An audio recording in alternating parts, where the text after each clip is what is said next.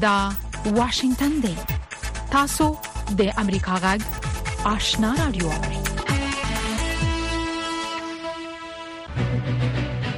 قدرمن اوریدونکو السلام علیکم زه شافیا سردار یم دا د امریکا غږ آشنا رادیو خبرونه پیل شوه لومړی به خبرونه واوري السلام علیکم درنو ریدونکو ستړي مشي زه زیبا خادم یم دا د امریکا غږ آشنا رادیو خبرونه ده د نړۍ د دې ساعت خبرونو ته ساسې پام را اړوم د مهاجرو د چارو د پاره د ملګرو ملتونو عالی کمشنري وایي چې په افغانستان کې د سخت بشري بحران د مخنیوي په حق له د هڅو په لړ کې د اسلامي انکشافي بانک سره افغانستان د بشرپاله امانتي صندوق د ساتونکو په توګه درې موافقې لاسلیک کړې دي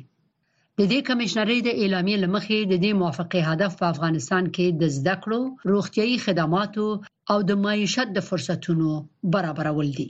دغه موافقه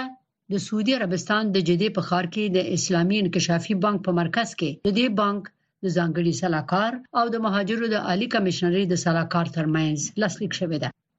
د طالبانو د سرپرست حکومت هیئت په پاکستان کې د سفر په وخت کې د دې ملک د چارواکو سره په سیاسي، امنیتي او اقتصادي مسایلو خبرې کړې دي. د افغانستان د طالبانو دغه هیئت په داسې حال کې اسلام آباد ته سفر وکړ چې په پا پاکستان کې د راتلونکي فبروري د میاشتې د انتخاباتو نه مخکې خلکو ته د امنیتي وضعیت په اړه ډېری اندېښنې پیدا شوې دي. د پاکستان د بهرنیو چارو وزارت د پنځشنبه په ورځ په خبرپاڼه کې ویلي دي چې د دوی د بهرنیو چارو وزیر جلیل عباس جیلانی د مولا شیرین په مشرۍ د طالبانو د هیئت سره کتلې دي په امنیت او سولې غږیدلې دي د طالبانو د حکومت یوې سرچینې ازادي رادیو ته ویلي دي چې مولا شیرین او ملګری هیئت د پنځشنبه په ماښام بیرته قندهار ته رسیدلی دی د طالبانو سرپرست حکومت د هغو بزګرو نیول شروع کړي دي چې د دوی د مشر د فرمان خلاف کوکنار کرلې دي د افغانستان په ګرمسیرو سیمو کې د کوکنارو د کښت د نیوي فصل د رسیدو سره سم د طالبانو حکومت هغه بزګران او د ځمکو خاوندان نسی چې د دوی د مشر د فرمان خلاف کوکنار کرلې دي د نړۍ خبرونه د امریکا غږ واشنگټن نه اوري د افغانستان د پاره په بشري چارو کې د ملګرو ملتونو خاص راپور ورکونکي ریچارډ بنت په طالبانو باندې غږ کړی دی چې سم دستي د قید شرط نه پرته هغه میرمنې د زندان نه خوشي کی چې د بې حجابۍ په تورې نیولې دي هغه نن په خپل ایکس پاڼه کې لیکلي دي چې د پوره حجاب نه د سرغړونو په تور د میرمنو زنداني کول په خزو د نورو محدودیتونو وضع کول د خزو د حقوقو تر پښو لاندې کول دي د طالبانو د امر بالمعروف او نهي عن المنکر وزارت پرون ویلي دي چې په کابل کې یو شمیر خزي چې اسلامي حجاب سم نه و مراعات کړي نیول شوې دي د دغو مېرمنو د شمېر په حق له طالبانو تر اوسه څه نه دی ویلي مګر ځینې راپورټونه وایي چې شمېر یې لسګونو کسانو ته رسیږي د کراچۍ په ښار کې د افغانستان د قونسلګرۍ چارواکو ویلي دي چې لسګونه افغان مهاجر چې د پاکستان په زندانونو کې بندیان وو خوشي شوي دي په کراچۍ کې د طالبانو جنرال قونسل سید عبدالجبار تخاری د ایکس په ټولنیزه شبکه کې په ویډیويي پیغام کې ویلي دي چې د دې قونسلګرۍ د هڅو په نتیجه کې د پاکستان د سند د ایالتي زندانونو نه تازه نه هاتیا افغان بندیان خوشی شوې دي سید عبدالجبار تخاری ویلي دي چې په دغه خوشی شو افغانانو کې شپږ ماشومان هم دي دا بندیان د پنځشنبه په ورځ د جنوري په سلورمه د چمن سپین بولدک لارې افغانستان ته انتقال شوې دي هغه ویلي دي چې د سن په ایالتي زندانونو کې اوس هم 209 یا نور افغان مهاجر بندیان دي دغه بندیانو د خوشکېدو لپاره هڅې روانې دي د عراق صدراعظم شیعه السوداني د جنوري په 15مه وویل چې په پایتخت بغداد کې د امریکا په هوایي برید کې د دې هواد د حشد الشعبي ملیشي د یو پوځي قومندان د وژل کېدو نه وروسته هغه هوډ لري چې په خپل هواد کې د اسلام پالو سخت دریزو په ضد د نړیوال ائتلاف حضور پای ته ورسوي اسودانی چې په ائتلافي حکومت کې ایرانی پلوه ګوندونه ونډه لري په تیر څو هفتو کې په پرلپسې توګه ویلي دي چې غواړي بارنۍ قواوې له عراق نه ووزي خو هغه د وروستي څرګندونې په داسې حال کې کړې دي چې د اسرایل او حماس د نږدې درې میاشتنې جګړې په نتیجه کې په عراق او منځني ختیځ کې سیمه ییز تاریخواله احساسېږي په عین وخت کې د عراق د حشد شعبي ملیشي ډلې چې ایران ملاتړ کوي د پنځشنبه په ورځ د جنوري په څلورمه ویلي دي چې د دې ډلې یو پوځي قوماندان د امریکا په هوایي برید کې وژل شوی دی ټاکل شوې ده چې د امریکا د متحده ایالاتو د بارنیو چارو وزیر انټونی بلینکن او د اروپאי ټولنې د بارنۍ تګلارې رئیس جوزف بورل منځني ختیځ ته ورسیږي دوی هڅه کوي چې د اسرایل تر واک لاندې لویدیځې غاړې لبنان او د سره سمندرګي د بیړیو تر مسیر پورې د غزې د خپرې شوې جګړې مخه ونیسي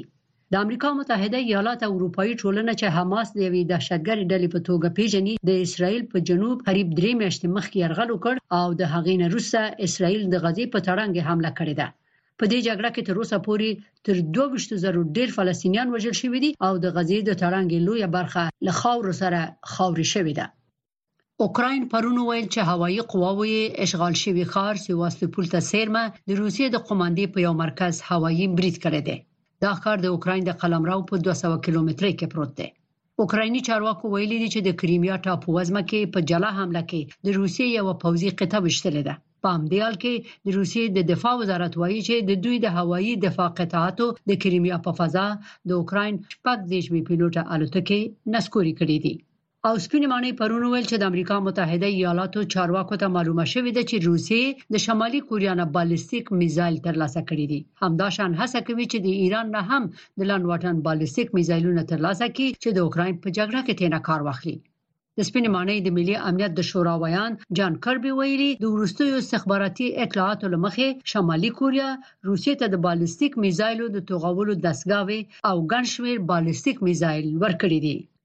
د روسیې او ایران چارواکو تر اوسه په دې حقله عکس العمل نه دی خوده زیبا خادم امریکا غږ واشنگتن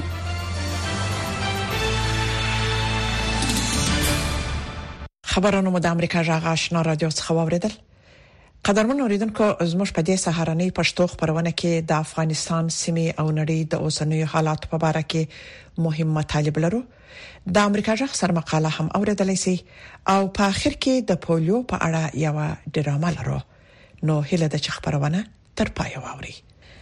په افغانستان کې د ملګرو ملتونو د مرستندوی پلاوی دفتر یوناما د طالبانو لخوا د جنونو او فعالانو د نیولو د بهیر د بندیدو غوښتنه کړې ده د بل خوا د متحده ایالاتو د بهرنیو چارو وزارت د افغان میرمنو او جنو په وړاندې د طالبانو احکام ځپونکي بللي او په دې اړه یې اندیشنه څرګنده کړې ده خو طالبانو د خپل سر نیولو مسأله رد کړې ده نور تفصيل په رپورت کې واوري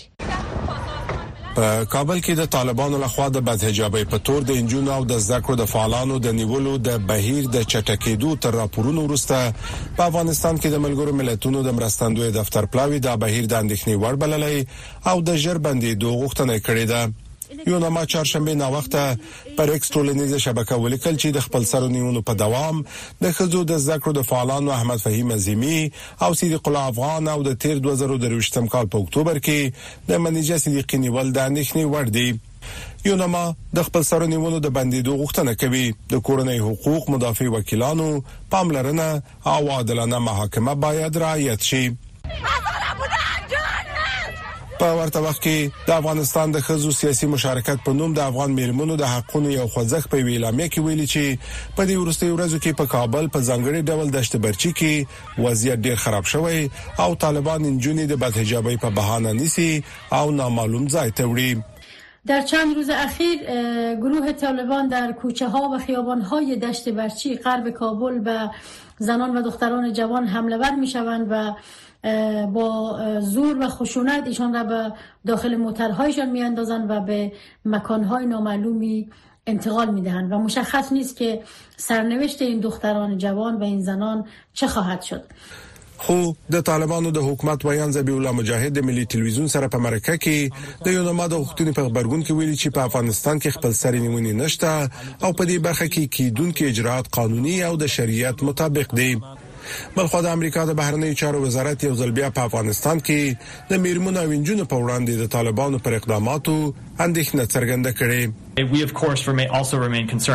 بې له شکه موږ د افغان میرمنو او نجونو په وړاندې د طالبانو په ځپونکو احکامو او د ټولشموله حکومت د جوړیدو لپاره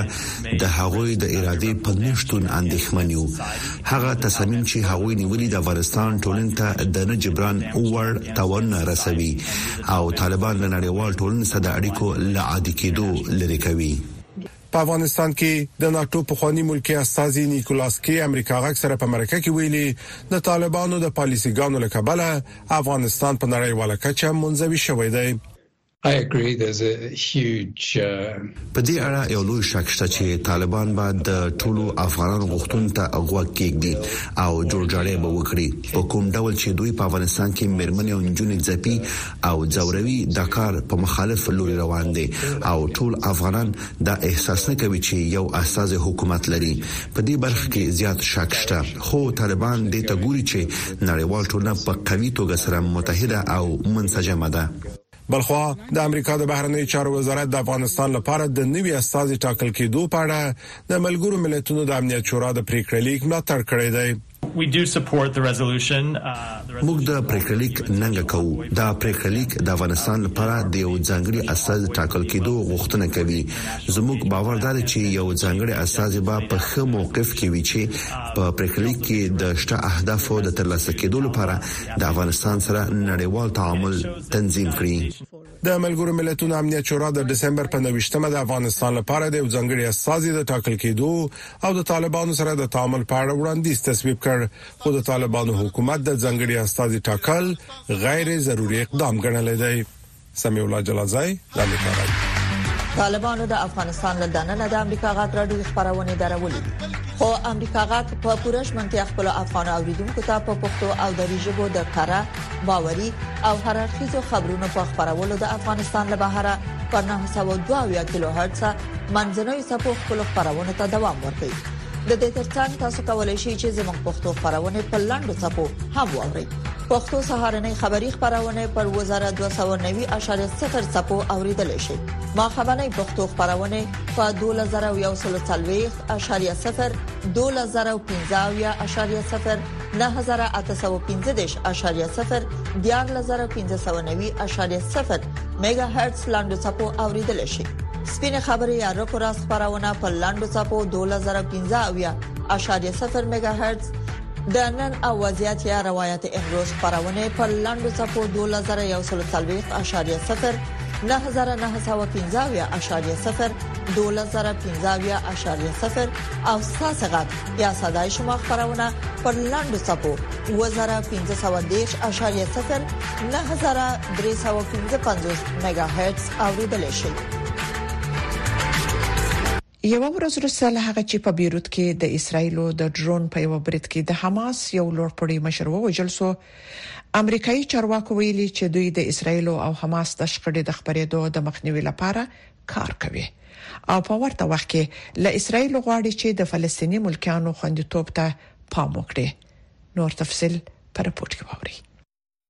د حماس مرستیال مشر صالح العروري د سه شنبې په ورځ ناوخته د لبنان په پلازمینه بیروت کې د بي پیلوټه الوتکې په برید کې وژل شو دا هدفي وژنه اسرایل نه تایید کړي او نه رد کړي ده د چهارشنبې په ورځ د بهرنیو چارو وزارت د ویاند میتیو میلر نو پوښتل شول چې آیا متحده ایالات باور لري چې د اسرایل لخوا د العروي وجل توجیه لري میلر دا جواب ورکړ زه به ووایم چې هغه یو وحشي ترهګر چې د ملکیانو په وینو یې لاسونه سره وو او زه به نور څه ونه وایم.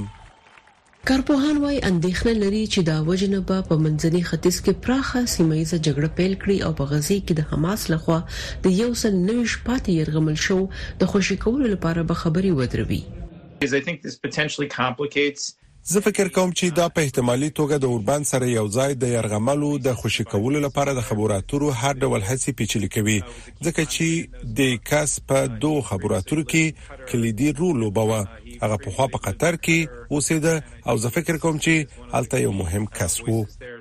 اسرایل د چهارشنبه په ورځ په غزې په تړانګه کې نوي هوایي بریدونه وکړل په داسې حال کې چې اسرایلی پوز ویلي چې د بي پیلوټه الوتکې له برید وروسته د لبنان د وسلوالې ډلې حزب الله لخوا د بریدونو لپاره د تیارسي په حالت کې دي یوې شنونکې مارا رډمن امریکا غږ ته ویل هغه په دې باور ده چې اسرایل د امریکا او نورو هغه خبرو ته غوږ نیسي چې ترنه غواړي جګړه هدفي پړاو ته داخله کړي خو لومړی وزیر بنیامین نتنیاهو باید کورنۍ سیاسي اندېښنې هم په پام کې ولري.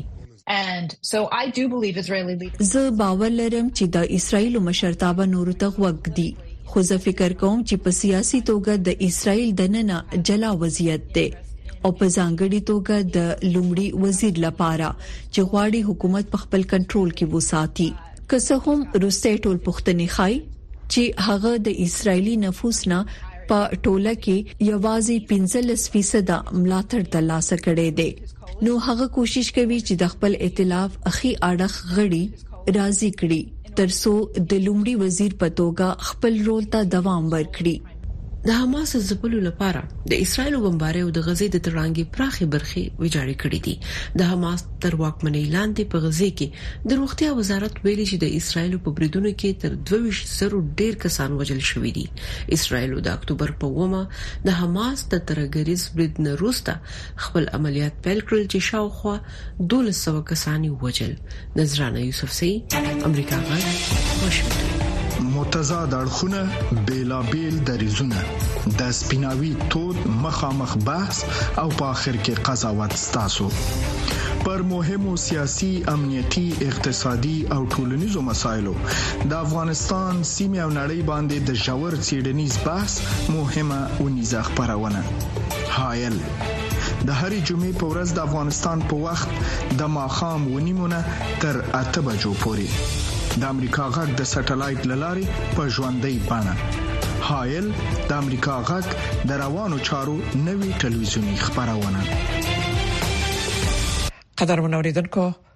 په افغانستان کې د ناتو پخوانی مسلکي استاذي نیکولاس کی د امریکا جغ سره په مرکه کې وویل طالبان په بیړه کې دي او وخت د طالبانو پر خلاف روان دی شاغلی کی وایي د طالبانو د پالیسیو لکبله افغانستان په نړیواله کچه منځوي سوی او دا وضعیت دوام نسي کولای ښاغلي کي د واحد فیضي سره په خبرو کې ویلي، اړتیا ده چې افغانستان په بشپړه توګه د نړیوالې ټولنې غړی وي، پرمختللی اقتصاد ولري، د ګاونډیو او د سیمې له هیوادونو سره وصل وي. پام وکړئ په دې اړه مرکې ته. د ملګرو ملتونو امنیت شورا نوې پریکړه لیک تصویب کړ او افغانستان لپاره د ملګرو ملتونو د ځانګړي استاذي د ټاکل کېدو غوښتنه کړې ده په اړه تاسو نظر څه دی Well, I think it's a, a positive فکر کوم دا یو مثبت ګام دی خو دا د هغو ټولو پښتون او څه چې په افغانستان کې روان دي او په کوم ډول چې نړیواله ټولنه له افغانستان سره چلن کوي ځواب نه دی خو نن سبا چې د لوی قدرتونو د ملګرو ملتونو د امنیت شورا د غړو ترمنځ اختلاف شته او په پریکړه لیک سلا کوي دا ښه اقدام دی خو د روسیې او چین سپینو رایو کارولو ته اشاره کوم چې لیدل کیږي لا هم د نړیوالې ټولنې ترمنځ ستونزمن ویش او د نظر اختلاف شته متحده ایالاتونو او یو شمېر نورو هیوادونو افغانستان لپاره د نوي ځانګړي استازي له ګمارل کېدو ملاتړ کړی دی له داسې ګمارنې څه تمه کېدای شي یقینا چې د ځانګړي استاذ ټاکل مخ په وړاندې یو ګام دی یو لکه څنګه چې ما وویل خده چې د امنیت شورا غړي هم پرې صلاح دی او پر وړاندې خند نشته د ملګرو ملتونو لپاره د ځانګړي استاذ ټاکل راتلونکي دنده ده خو په واضح توګه یو مسله شته چې په افغانستان کې حاکمو چارواکو د ځانګړي استازي له ټاکل کېدو سره مخالفت ښودلی روسیه او چین هم ویلي چې په دې اړه دې له طالبانو سره مشوره وشي فکر کوم پر راتلونکو دوو میاشتو کې د ملګرو ملتونو د عمومي منشي لپاره یو مهمه دنده تر غاړې ده چې په پراخه کچه مشوره وکړي او په دقت سره ټاکنه وکړي لکه څنګه چې په پریکړه لیک راغلي ځانګړی استاذ باید د بشري حقوقو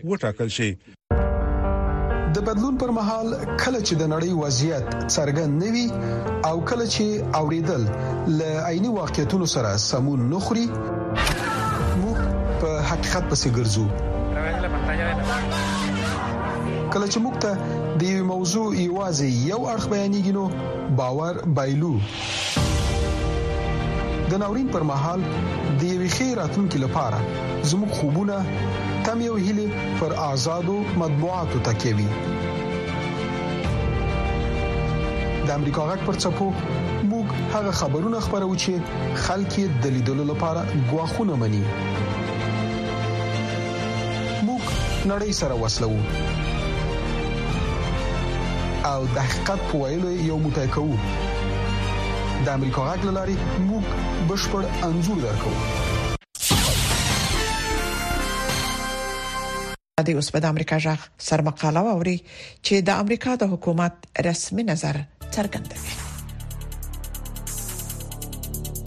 په ایډیالي توګه به غوړه دای چې افغانستان بیل د چې نور هم تشدد او کړه وګالي او د نړیوال قانون له روحي سره سم باید یو ځلې بیا په بشپړ ډول په نړیوال سیستم کې شامل شي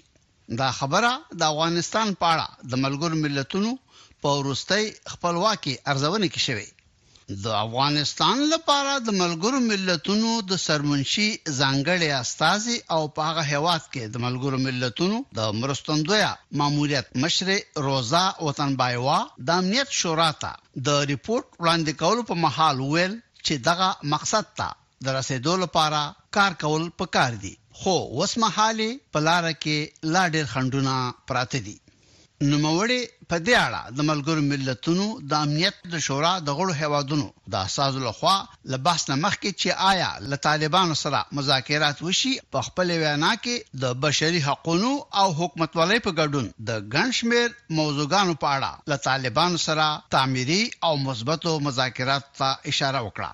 له بل پلوه قدرت ته د طالبانو له رسیدو سره له بشري حقوقو نه د اندېښنې وړ سرغړونو پېښې شوي دي نو پوښتنه دا ده چې آیا له طالبانو سره د مفاهمت او ډیالوګ پیل کول ګټه لري؟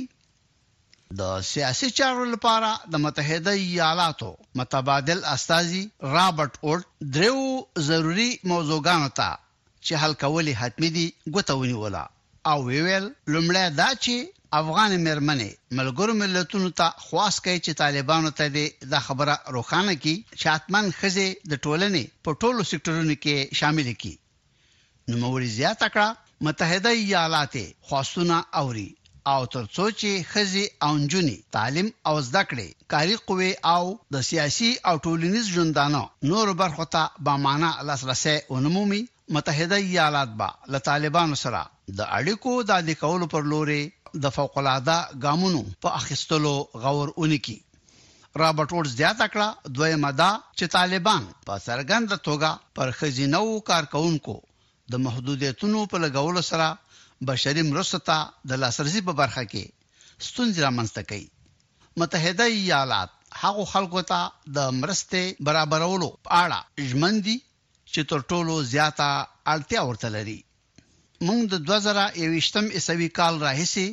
څه باندې دوه میلیارده ډالره ورکړي دي. خو لازمه ده چې ومنو چې یوازې بشري مرستې کفایت نه کوي. همدا وجه ده چې طالبان باید خپلې هغه پالیسي ګانې حتماً بدلې کړي چې ښځې د افغانستان په اقتصادي برخه کې له ونډې اخستو نه منې کوي. درېیمه دا چې متحده ایالات د افغانستان په اړه د ملګرو ملتونو د خپلواکې ارزونې، هرکلی کوي، په کومه کې چې د یوه ځانګړي استازي او د کانټاکټ ګروپ یا نړیوالې ارتباطي ډلې د نومولو غږ شوی. د سفیر رابرټ ووډ په وینا، دوی به په دې اړه د ډاډ حاصلولو په غرض د یوې لارښودې نقشې د پراخولو په برخه کې مهم رول ولوبوي چې واقعاً افغانستان خپل نړیوال مکلفیتونه پوره کوي. سفیر رابرټ ووډ وویل، باید چې د امنیت شورا په ګډه کار وکړي، طالبان باید له افغان ولس سره د هغوی له ارمانونو نه د ملاتړ په برخه کې جدي ډیالوګ پیل کړي. تاسو د امریکا غږ سره مقاله واوریده چې د امریکا د حکومت رسمي نظر څرګند کړ. قدرمن اوریدونکو د خبرونې په پای کې به تاسو د پولیو په اړه یو ډرامه واورئ چې د ماشومان په وړاندې د والدینو مسؤلیت څه دی. ګرانو اوریدونکو سلامونه مې ومنئ زمونږ د نن ورځې ډرامې ته ښه راغلاست د والدینو په توګه آیا تاسو درک کړی چې د ماشومان پر وړاندې ستاسو مسولیت څه شی دی راځئ چې په ډرامه کې واورو السلام علیکم ورحمت الله السلام علیکم ورحمت الله اللهم صل على محمد په جمعات کې درنو حاضرینو او محترمو کلیوالو ام المؤمنین حضرت عائشه رضی الله عنها وایي چې له رسول اکرم صلی الله علیه وسلم څخه مې اوریدلې دي دا سي فرمایل ای الله هر څوک چې زما د امت په هر برخه مشر وټاکل شو او له دوی سره سختی وکړه ته ور سره سختی وکې او هر څوک چې زما د امت په کومه برخه مشر وټاکل شو او له خپلو خلکو سره یې نرمي وکړه نو ته ورسره نرمي وکړې. که چیرې والدین خپلو مسؤلیتونو ته پاملرنه ونه کړي او د خپلو ماشومانو په وړاندې خپل مسؤلیت په سم ډول ادا نه کړي نو د قیامت په ورځ به الله سبحانه وتعالی له دوی سره په سختۍ سره محاسبه وکړي. ژوندی اوسې مولوي صاحب، د دې حدیث شریف نه په الهام اخیستو مې دا درک کړل چې موږ د خپلو ماشومانو په وړاندې یو ډېر دروند مسوولیت لرو. حیات خان رښتیا وایي. تېره ورځ د پولیو کارکوونکي راغلي ول، یو څه ماشومان واکسین شول، خو بدبختانه ډېر ماشومان له واکسین نه پاتې دي، چې ټوله پړې په والدینو ده، ځکه د ماشومانو په واکسین کولو کې یې ډېره بې غوري وکړه، ځینو خو آن په بیچاره ګانو ملنډې ویلې، خدای شته ډیرو ته خفه شوم. ګورئ ورونو، هغه کورنۍ چې د خپلو ماشومانو روغتیا ته پاملرنه نه کوي، دا زما او ستاسو مسؤلیت دی چې د کورنیو مشرانو ته قناعت ورکړو تر څو خپل ماشومان د ګوزڼ د ناوړه مرض د واکسین کولو لپاره نږدې روغتیايي مرکزونو ته بوځي تر څو هلته روغتیايي خدمتونه هم ترلاسه کړي او د دې مرض په وړاندې واکسین شي. زموږ دا کار به د ماشومانو لپاره د یوې روښانه راتلونکې سبب وګرځي. له کومه چې ما له ډاکترانو نه اورېدلي دي، وايي چې دا ناروغي د خولې، ککړو خوړو، ککړو اوبو او لاسونو په واسطه د انسان بدن ته داخلېږي. په دې ناروغۍ ککړ کس بیا دا وایرس د غایطه موادو له لارې محیط ته اطراح کوي او بیا له همدې لارې نورو انسانانو ته انتقالېږي. نو دا چې پولیو یوه ډېره خطرناکه او وژونکې ناروغي ده، نو په اړه یې باید ټول ژور فکر وکړو، تر څو د کلي ټول ماشومان واکسین شي. مولوي صاحب! که ستاسو اجازه وي، نو زه به د کلي د شورا رئیس صاحب ته همدا اوس زنګ ووهم، تر څو په دې اړه چې څنګه په کلي کې والدین او کورنۍ د خپلو ماشومانو په وړاندې خپل مسؤلیتونه ادا کړي، یو سیمینار دایر کړي. د کلي ټول مشران، کشران، نارینه او ښځینه به پکې ګډون وکړي او زه باوري یم که چېرته کورنۍ د دې ناوړه مرض په زیانونو پوه شي نو ټول ماشومات به ان شاء الله واکسین شي. ډېره ښه خبره دې وکړه حاجي صاحب بصیر خانه، زما خو درسره سل فیصده خوښه ده، همدا اوس ورته زنګ ووهه.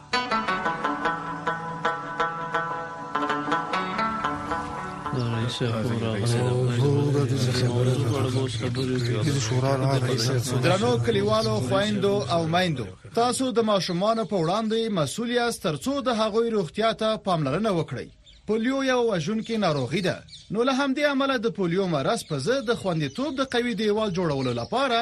هر کوچني ته هر ځلې تر 15 کلنۍ پورې د خولې له لارې د پولیو واکسین په تکراري ډول اچولو ته اړتیا ده. هو ګرانو کلیوالو، دا واکسینونه د کوچنیانو په بدن کې د خوندیتوب لپاره دیوال جوړولو کې مرسته کوي.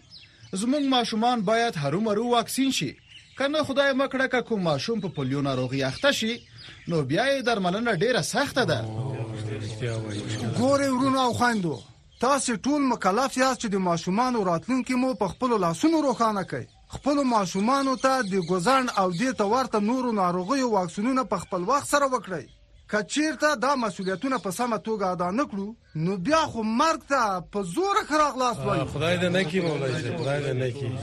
ژوندي اوسئ رئیس صاحب او مولوي صاحب. انشاءالله ټول به خپل مسولیتونه په سمه توګه ادا کړو. تر څو د پولیو یا ګوزڼ د ناوړه مرض څخه یو خوندي ټولنه ولرو هو ګران اوریدونکو زه باوري يم چې تاسو د خپل ماشومان پر وړاندې د هغوی د مسولیتونو په اړه په دې ډرامه کې ډیر څه زده کړل نو مهرباني وکړئ د هغوی واکسین لپاره مغورځوي تر بلې ډرامې مو خدای مل شه